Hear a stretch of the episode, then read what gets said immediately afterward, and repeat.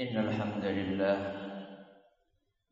نحمده ونستعينه ونستغفره ونعوذ بالله من شرور أنفسنا ومن سيئات أعمالنا من يهده الله فلا مضل له ومن يضلل فلا هادي له وأشهد أن لا إله إلا الله وحده لا شريك له وأشهد أن محمدا عبده ورسوله. يا أيها الذين آمنوا اتقوا الله حق تقاته. ولا تموتن إلا وأنتم مسلمون. يا أيها الناس اتقوا ربكم الذي خلقكم من نفس واحدة. وخلق منها زوجها. وبث منهما رجالا كثيرا ونساء. واتقوا الله الذي تساءلون به والأرحام إن الله كان عليكم رقيبا. يا أيها الذين آمنوا اتقوا الله وقولوا قولا سديدا. يصلح لكم أعمالكم ويغفر لكم ذنوبكم. ومن يطع الله ورسوله فقد فاز فوزا عظيما. أما بعد فإن أصدق الحديث كتاب الله.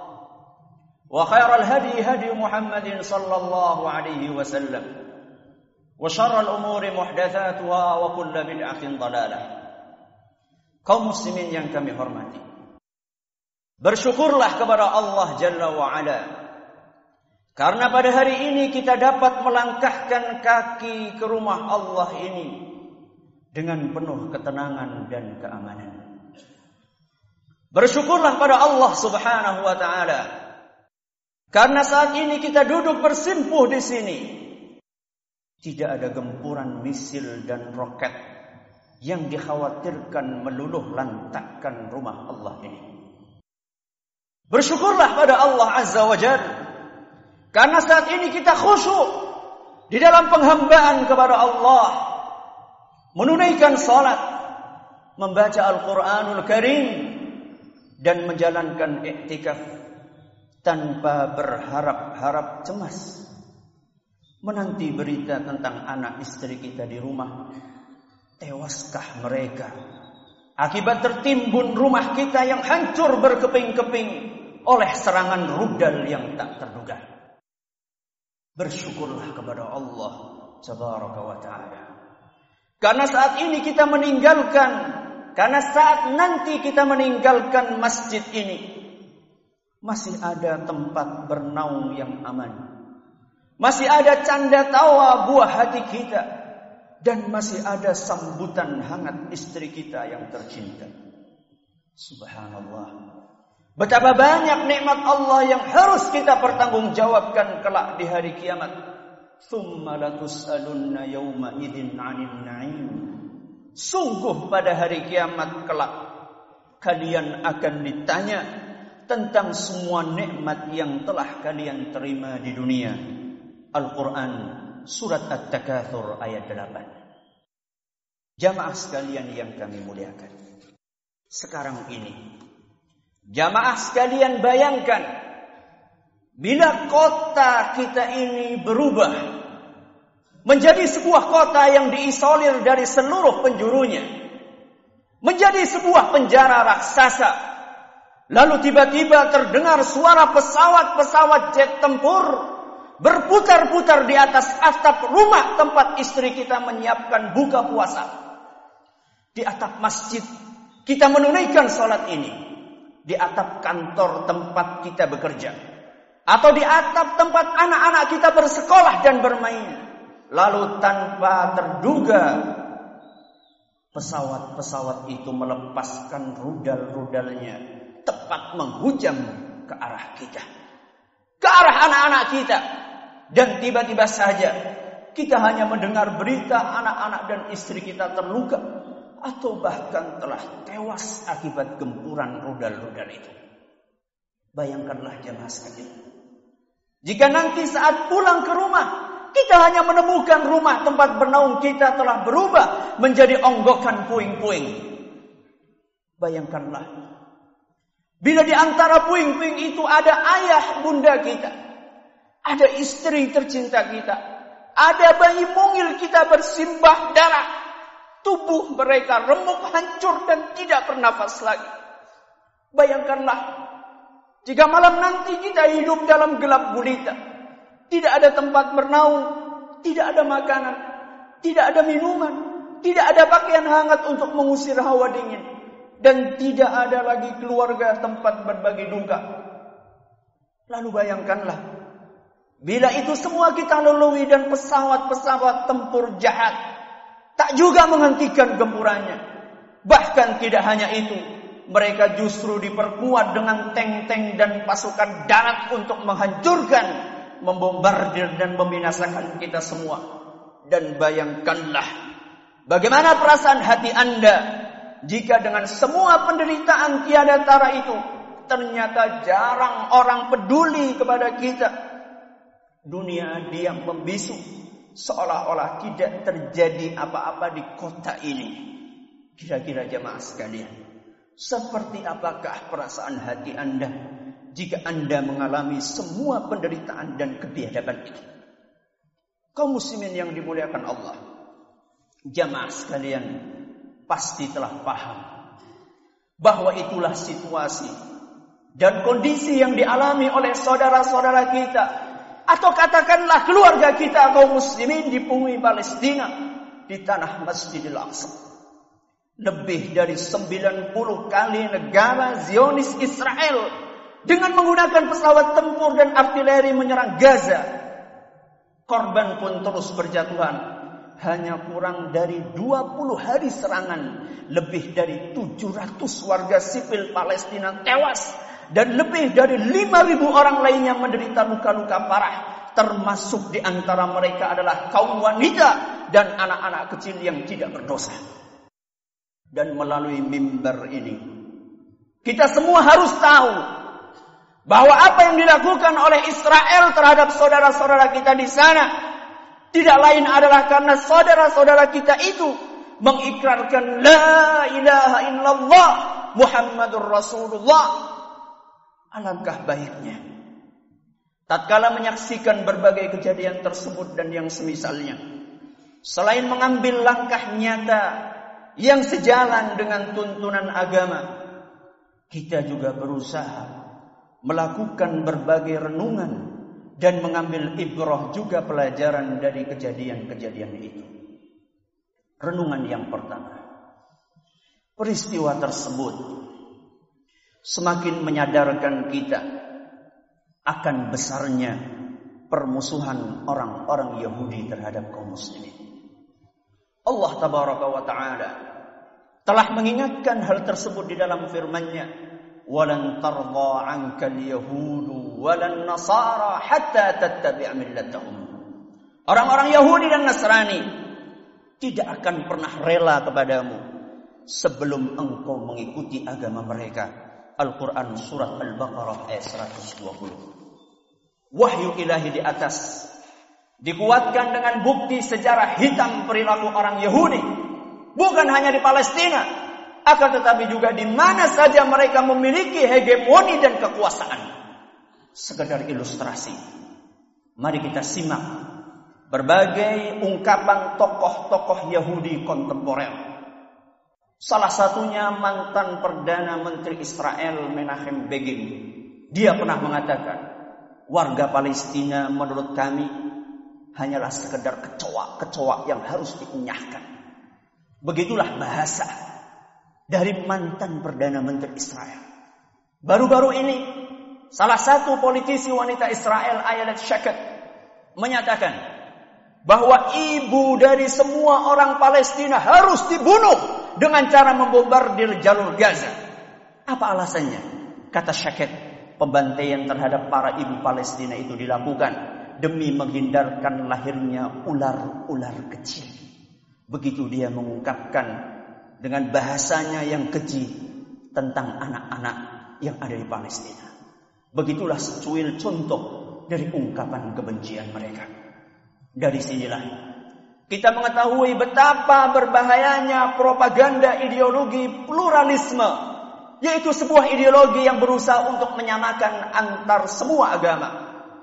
yang diusung oleh sebagian kalangan di negeri kita ini. Ideologi ini pada hakikatnya ingin meruntuhkan salah satu prinsip dasar Islam, al-wala dan al-bara, cinta dan benci karena Allah. Juga memunculkan keraguan akan kebenaran mutlak agama Islam. Namun amat disayangkan ternyata tidak sedikit di antara kaum muslimin yang termakan pemikiran menyimpang tersebut padahal dalil syar'i maupun fakta sejarah begitu jelas membantah habis ideologi itu. Renungan yang kedua. Menyuarakan kebencian terhadap Yahudi akan mandul apabila tidak diiringi dengan langkah nyata dalam kehidupan sehari-hari. Apabila kita cermati berita tentang ungkapan kebencian banyak kaum muslimin terhadap kaum Yahudi, lalu kita bandingkan dengan realita kehidupan mereka sehari-hari, niscaya masih banyak kita dapatkan kontradiksi antara keduanya. Masih banyak di antara mereka berteriak sekeras-kerasnya mengutuk perilaku orang Yahudi. Namun anehnya mereka masih mengidolakan tokoh-tokoh Yahudi. Ada di antara mereka yang berdemo di jalan mengecam tindak kejam Yahudi. Namun ternyata dia masih mengidolakan bintang pemain bola Inggris David Beckham, seorang yang bangga dengan keyahudiannya. Ada yang membakar bendera Israel di lapangan. Namun ternyata dia mengagumi Daniel Harry Potter Radcliffe, seorang Yahudi tulen. Ada yang beraksi melaknat kebrutalan kaum Yahudi. Namun ternyata dia masih menggemari film-film karya raksasa produser perfilman Yahudi. Walt Disney dan MGM. Serta masih akrab dengan tokoh-tokoh Donald Bebek, Mickey Mouse, dan Tom and Jerry. Tentunya Fenomena, fenomena di atas amat memprihatinkan kita. Sebab begitu kontradiksinya antara ucapan dan perbuatan mereka. Seharusnya yang menjadi idola kita semua adalah tokoh-tokoh Islam. Mulai dari Nabi kita Muhammad sallallahu alaihi wasallam, para sahabatnya hingga para ulama salaf dan dan kegemaran kita adalah membaca sejarah para tokoh besar Islam. Allah Subhanahu wa taala berfirman, لا تجد قوما يؤمنون بالله واليوم الآخر يوادون من حاد الله ورسوله ولو كانوا آباءهم أو أبناءهم أو إخوانهم أو عشيرتهم Kata Allah Subhanahu wa taala, engkau wahai Muhammad tidak akan mendapatkan suatu kaum yang beriman kepada Allah dan hari akhir lalu dia berkasih sayang dengan orang-orang yang menentang Allah dan Rasulnya sekalipun orang-orang itu adalah bapaknya, anaknya, saudaranya atau keluarganya sendiri. Al-Qur'an surat Al-Mujadalah ayat 22. Renungan yang ketiga. Musibah yang menimpa kita sejatinya merupakan hasil dari perbuatan tangan kita sendiri. Banyak dalil syar'i yang menegaskan hal itu. Antara lain adalah firman Allah Tabaraka wa taala ma asabaka min hasanatin famin Allah wa ma asabaka min sayyi'atin famin nafsik kebajikan apa pun yang kalian peroleh adalah dari sisi Allah dan keburukan apa pun yang menimpa kalian itu adalah dari kesalahan diri kalian sendiri. Al-Quran Surat An-Nisa ayat 79. Maka, tatkala musibah datang silih berganti dan tidak henti-hentinya menimpa kaum muslimin, sikap yang tepat adalah berintrospeksi dan mawas diri. Dosa apa? Dosa apa gerangan yang telah kita perbuat? Kewajiban apa yang telah kita lalaikan? Lalu kita berusaha untuk memperbaiki kekurangan-kekurangan tersebut. Sehingga lambat laun kondisi kita semakin membaik. Dan hari esok menjadi lebih cerah dibandingkan hari ini. Renungan yang keempat. Solusi yang terbaik.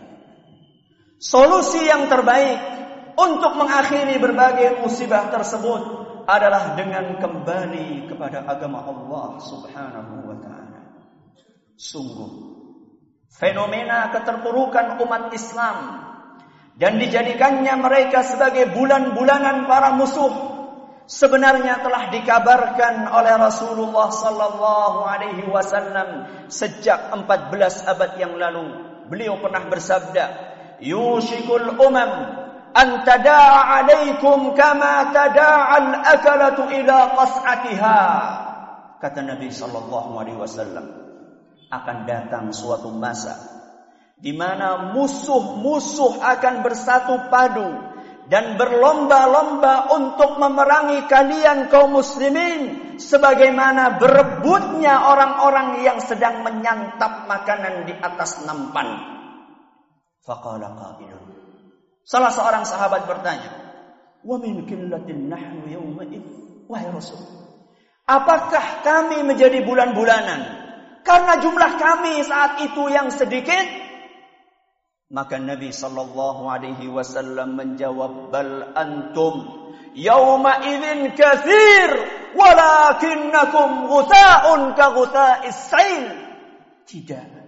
Justru jumlah kalian wahai kaum muslimin saat itu banyak akan tetapi kalian banyaknya seperti banyaknya buih di lautan. Hadis riwayat Abu Dawud dan dinyatakan sahih oleh Syekh Al-Albani. Namun Nabi kita Muhammad sallallahu alaihi wasallam tidak lupa untuk memberikan solusi guna mengakhiri keterpurukan tersebut. Beliau bersabda, sallallahu alaikum dhulla la yanzi'uhu hatta tarji'u ila dinikum. Allah akan menimpakan kehinaan atas kalian hingga kalian kembali kepada agama kalian. Hadis riwayat Abu Dawud dan dikuatkan oleh Syekhul Islam Ibnu Taimiyah, Imam Asy-Syaukani dan Syekh Al-Albani. Solusinya adalah kembali kepada ajaran Islam yang benar. Kembali kepada ajaran Islam.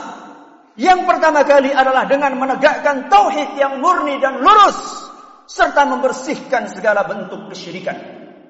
Dengan itulah insya Allah kejayaan umat Islam akan kembali kita capai. Sebagaimana ditegaskan Allah Azza wa Jalla di dalam firman-Nya surat An-Nur ayat 55. وعد الله الذين آمنوا منكم وعملوا الصالحات ليستخلفنهم في الأرض كما استخلف الذين من قبلهم وليمكنن لهم دينهم الذي ارتضى لهم وليبدلنهم من بعد خوفهم أمنا يعبدونني لا يشركون بي شيئا kata Allah Subhanahu wa taala dalam Al-Qur'an Allah telah berjanji kepada orang-orang yang beriman di antara kalian dan mengamalkan amal saleh bahwa dia sungguh-sungguh akan menjadikan mereka berkuasa di muka bumi sebagaimana dia telah menjadikan orang-orang sebelum mereka berkuasa dan sungguh dia akan meneguhkan bagi mereka agama yang telah diridhoinya dan dia benar-benar akan menukar keadaan mereka sesudah berada dalam ketakutan menjadi aman sentosa syaratnya mereka tetap beribadah kepadaku dan tidak mempersekutukan suatu apa pun denganku. Al-Quran Surat An-Nur ayat 55. Ayat tersebut di atas. Sangat jelas.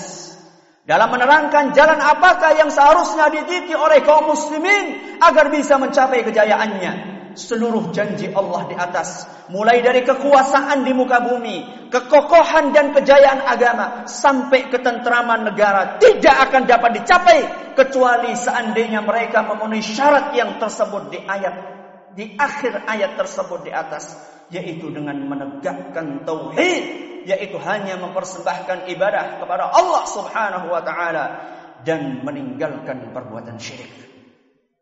Bagaimana mungkin Bagaimana mungkin agama ini akan jaya? Jika masih banyak orang yang kemerdekaan berpikirnya telah terbunuh sehingga diperbudak oleh barang-barang tak berakal seperti batu, pepohonan, kuburan dan yang lain sebagainya. Bagaimana mungkin ketentraman negeri kita akan diraih? Jika masih banyak insan yang seluruh keberuntungan hidup dan kesialannya tergantung pada benda-benda mati seperti jimat dan yang semisalnya. Bagaimana mungkin Kaum muslimin akan menggapai kemuliaannya apabila masjid-masjid mereka hanya unggul kemegahan fisiknya namun kosong melompong jamaahnya. Tokoh besar pejuang Palestina Muhammad Izzuddin Al-Qassam rahimahullah sebagaimana dikisahkan oleh para ahli sejarah yang menulis biografinya beliau adalah seorang yang tujuan utama perjuangannya adalah membersihkan agama dari segala macam bentuk noda yang mencemarinya. Serta memurnikan akidah dan ibadah hanya untuk Allah subhanahu wa ta'ala. Sebab hal itulah yang merupakan sumber kekuatan. Tanpa itu semua kaum muslimin tidak akan pernah mendapatkan kekuatan di dalam menghadapi musuh-musuhnya. Akankah kita mengambil pelajaran Akankah kita mengambil pelajaran dari teladan yang digoreskan oleh sang pejuang tersebut? Aku qawli hadza wa astaghfirullah li wa wa li jami'il muslimin wal muslimat fastaghfiruhu innahu huwal ghafurur rahim. Alhamdulillah hamdan katsiran tayyiban mubarakan fihi kama yuhibbu rabbuna wa yarda. وأشهد أن لا إله إلا الله وحده لا شريك له له الحمد في الآخرة والأولى. وأشهد أن سيدنا ونبينا محمدا عبده ورسوله.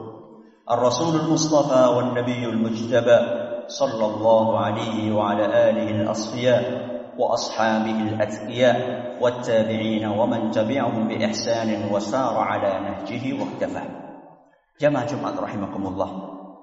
Renungan yang kelima atau renungan yang terakhir. Kita kita berkewajiban untuk membantu saudara-saudara kita di Palestina dengan tindak nyata menurut kemampuan masing-masing. Tidak diragukan lagi bahwa penduduk negeri Palestina betul-betul mengalami cobaan yang sangat berat.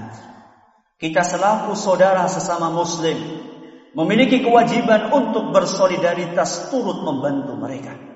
Allah Subhanahu wa taala berfirman, "Wa in istansarukum fid dini fa'alaykumun nasr." Apabila mereka meminta pertolongan kepadamu dalam urusan pembelaan agama, maka wajib bagi kalian untuk memberikan pertolongan. Al-Quran Surat Al-Anfal ayat 72. Masing-masing dari kita membantu sesuai dengan kemampuan dan kapasitasnya para penguasa dan diplomat berusaha memberikan pressure dan tekanan kepada Israel. Wabil khusus pemerintah kita bisa lebih lantang menyerukan pembelaan kepada Palestina di forum-forum internasional, terutama pada organisasi kerjasama Islam atau OKI, di mana Indonesia memiliki kedudukan penting sebagai negeri Muslim terbesar di dunia. Pemerintah kita juga perlu serius dan secepatnya merealisasikan rencananya untuk membuka kedutaan besar di Palestina. Dan pada kesempatan ini, kita juga perlu mengapresiasi kepedulian pemerintah Indonesia yang telah mengirimkan 1.900 orang pasukan perdamaian ke wilayah konflik tersebut. Semoga Allah Subhanahu wa taala menjaga mereka dan membuahkan hasil yang diharapkan. Adapun orang-orang yang dikaruniai keluangan rizki, berusahalah untuk mengerahkan bantuan finansial untuk saudara-saudara kita di Palestina. Sungguh saudara-saudara kita di sana, terutama warga Gaza, di dalam krisis akibat blokade Israel sejak tahun 2007 lalu. Mulai dari krisis makanan, krisis listrik, hingga krisis obat-obatan. Bisa jadi satu rupiah yang kita infakkan akan berubah menjadi perisai yang melindungi tubuh kita dari api neraka kelak. Sedangkan mereka yang tidak memiliki kemampuan kecuali doa. Sedangkan mereka yang tidak memiliki kemampuan kecuali doa. Maka janganlah pelit untuk mendoakan saudara-saudara kita di sana. Dan jangan sekali-kali menganggap remeh bantuan doa. Betapa banyak pasukan-pasukan raksasa yang hancur berkeping-keping dengan rintihan doa seorang hamba yang taat beribadah di sepertiga malam terakhir. Terlebih lagi pemerintah kita melalui lisan Menteri Agama Republik Indonesia telah menyerukan kepada kaum muslimin untuk melakukan kunut nazilah dalam salat-salat mereka guna mendoakan saudara-saudara kita di Palestina. Ketahuilah bahwa doa memiliki kekuatan yang sangat besar. Allah Maha Kuasa untuk menolak setiap bahaya yang mengancam masjidnya dan hamba-hambanya. Allah Maha Kuasa untuk membelokkan peluru agar tidak mengenai tubuh saudara kita. Allah Maha Kuasa untuk menghancurkan Israel sebelum mereka menghancurkan Masjidil Aqsa, Al-Quds dan Palestina. ألا وصلوا وسلموا رحمكم الله على الهادي البشير والسراج المنير كما أمركم بذلك اللطيف الخبير فقال في محكم التنزيل إن الله وملائكته يصلون على النبي يا أيها الذين آمنوا صلوا عليه وسلموا تسليما اللهم صل على محمد وعلى آل محمد كما صليت على إبراهيم وعلى آل إبراهيم إنك حميد مجيد. اللهم بارك على محمد وعلى آل محمد كما باركت على إبراهيم وعلى آل إبراهيم إنك حميد مجيد. ربنا ظلمنا أنفسنا وإن لم تغفر لنا وترحمنا لنكونن من الخاسرين. ربنا اغفر لنا ولإخواننا الذين سبقونا بالإيمان. ولا تجعل في قلوبنا غلا للذين آمنوا. ربنا إنك رؤوف رحيم. اللهم انصر المسلمين في فلسطين. اللهم انصر إخواننا المستضعفين في كل مكان. يا الله tolonglah kaum muslimin di Palestina يا الله bantulah seluruh saudara-saudara kami yang tertindas di segala penjuru dunia. اللهم اعز الاسلام والمسلمين ووحد اللهم سقوفهم واجمع كلمتهم على الحق syaukat adh-dhalimin waktub salam wal amna li'ibadika ajma'in. Ya Allah muliakanlah Islam dan kaum muslimin. Satukanlah barisan dan kalimat mereka di atas kebenaran. Hancurkanlah kekuatan orang-orang yang zalim dan karuniakanlah kedamaian serta keamanan untuk semua hambamu. Allahumma rabbana hfaz awtanana wa izza sultanana wa ayyidhu bil haqqi wa ayyid bihil haqqa ya rabbal alamin. Ya Allah, jagalah negeri kami. Kuatkanlah pemerintah kami serta karuniakanlah hidayah kepada mereka. Lalu jadikanlah mereka pembela kebenaran ya Rabbal Alamin. Rabbana la tuzigh qulubana ba'da idh hadaitana wa hab lana min ladunka rahmah innaka antal wahhab. Rabbana atina fid dunya hasanah wa fil akhirati hasanah wa qina adzaban nar. Sallallahu ala nabiyyina Muhammadin wa ala alihi wa sahbihi ajma'in wa man tabi'ahum bi ihsan ila yaumiddin. Wa akhiru da'wana alhamdulillahi rabbil 您让俺